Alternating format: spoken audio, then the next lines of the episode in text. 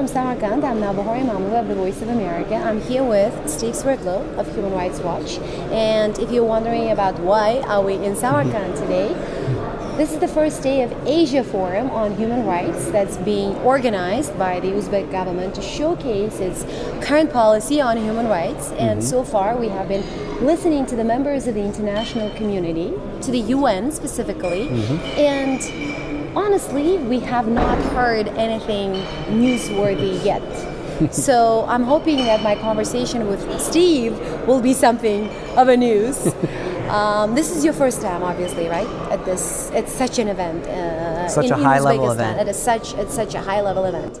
Well, and I think this is probably the first time to, that we've seen this level of human rights conference, if there is such a thing. Um, it's, it's, it's something that's bringing together people from the former Soviet Union, but even beyond that, it's um, billed as an Asian forum on human rights.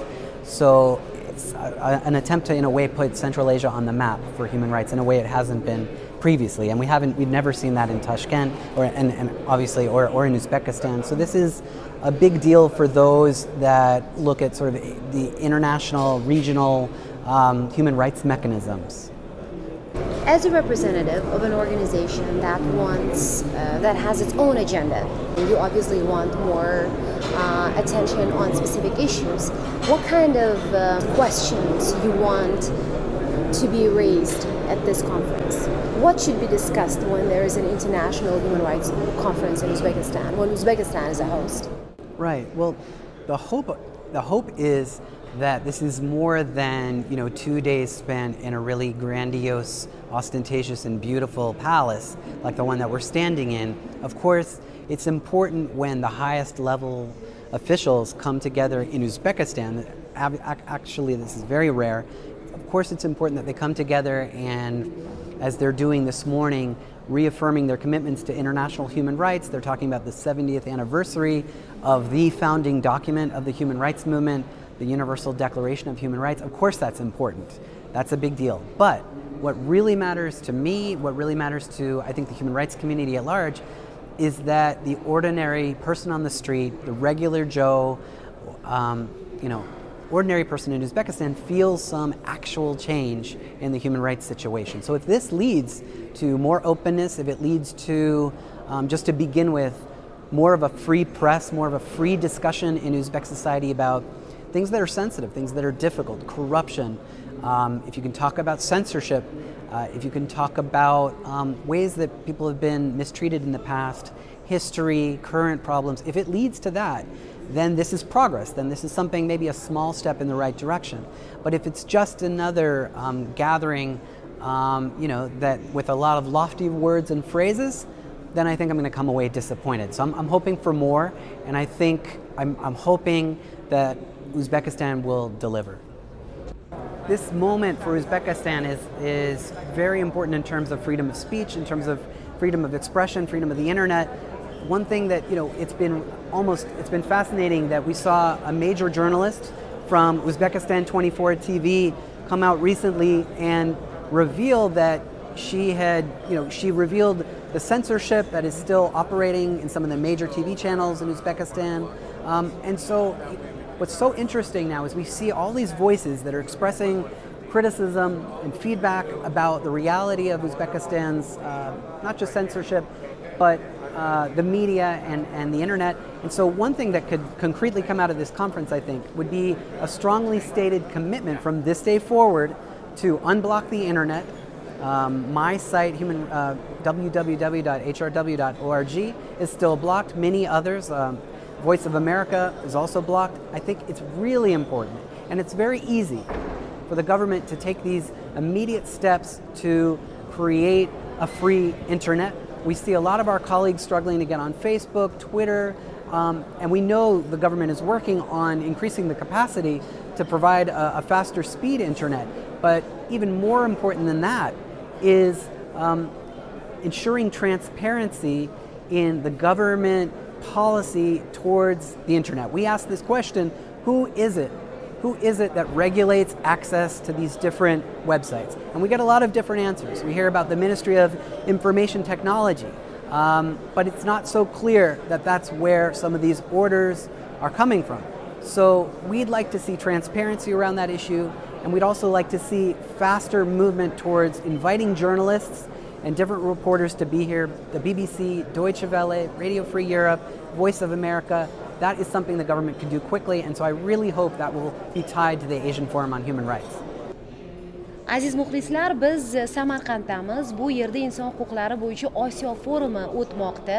Tashkilotchi o'zbekiston hukumati xususan inson huquqlari bo'yicha milliy e, markaz. E, mana oldimda e, stiv svertlov inson huquqlari bo'yicha human rights watch tashkiloti vakili va hozir unga xo'sh mana shunday anjumanlar o'tgan edi o'zbekistonda o'zbekiston mezbon bo'lganida qanday masalalar ko'tarilishi kerak deb so'raganimda yuzaki gaplar aytilishi kerak emas. O'zbekiston xalqi oldidagi og'ir masalalar haqida muhokamalar bo'lishi kerak deya javob berdi. Korrupsiyani tilga oldi huquqbuzarlik hollarini e, tilga oldi. Ayni damda o'zbekiston e, xalqini qiynayotgan masalalarni tilga oldi. Endi mana hozir stivdan so'ramoqchiman. Yaqinda uning tashkiloti siyosiy mahbuslar masalasini yana ko'tardi.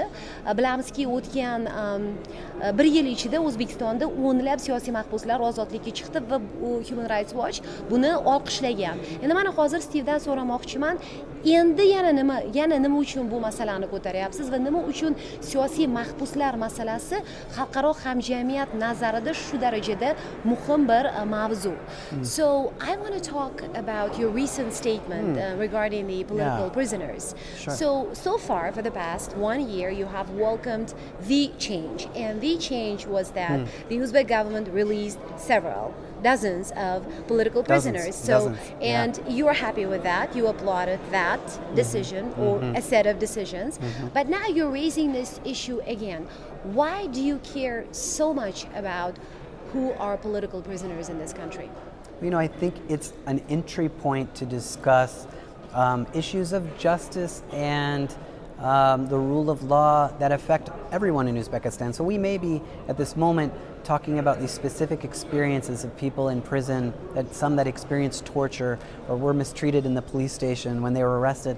I think that's a way, though, to uh, to talk about issues that affect everyone. I, I think many families in Uzbekistan over a long period of time have had negative experiences with their law enforcement um, bodies. And so, in a way, by focusing on some of these dr- most dramatic cases, people that have experienced torture in prison or spent many years in Just Jaslyk prison in, in, in Karakalpakstan, which is well known for its bad conditions, we're, we're illuminating you know, very sensitive, maybe painful topics.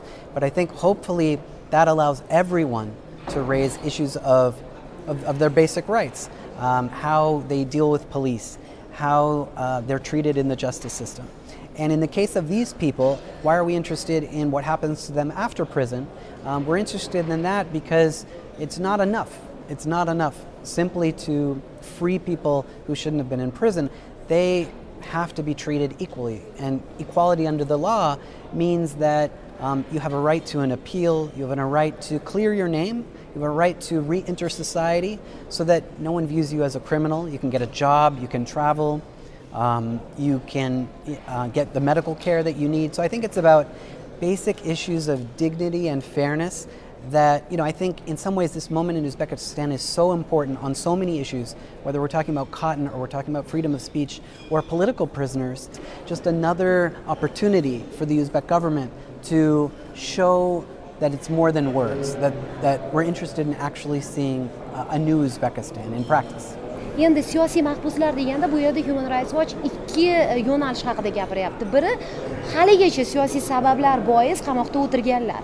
Ikkinchisi qamoqdan chiqqanlar sobiq siyosiy e, mahbuslar hozirgi paytgacha va e, human rights watch qo'yayotgan talab chaqiriq e, shuki birinchi navbatda minglab siyosiy mahbuslar ya'ni siyosiy massivlar bilan qamalganlar ozod etilishi kerak birma bir ikkinchidan ular qamoqdan chiqqandan keyin hayotini tiklashi uchun va nohaq qamalgani uchun adolat ta'minlanishi kerak ularga sharoit yaratib berilishi kerak deyapti va human rights watch nazarida hozir o'zbekiston hukumati oldidagi katta sinovlardan biri shu. Agar haqiqatdan ham islohotlar e, davri davom etayotgan bo'lsa va siyosiy erkinlikka yetish qilish o'zbekiston davlati uchun muhim bir vazifa deb belgilangan bo'lsa albatta siyosiy mahbuslar e, taqdiriga ko'z yuma olmaysiz deyapti.